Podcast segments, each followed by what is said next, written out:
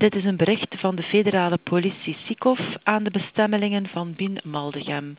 Vanavond 8 maart omstreeks 21 uur werd er ingebroken in de Koning Albertlaan te Maldegem.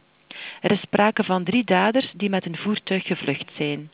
Wees waakzaam en neem bij abnormale waarnemingen in verband met dit bericht of in het algemeen dadelijk contact op met de 101 of uw politiedienst.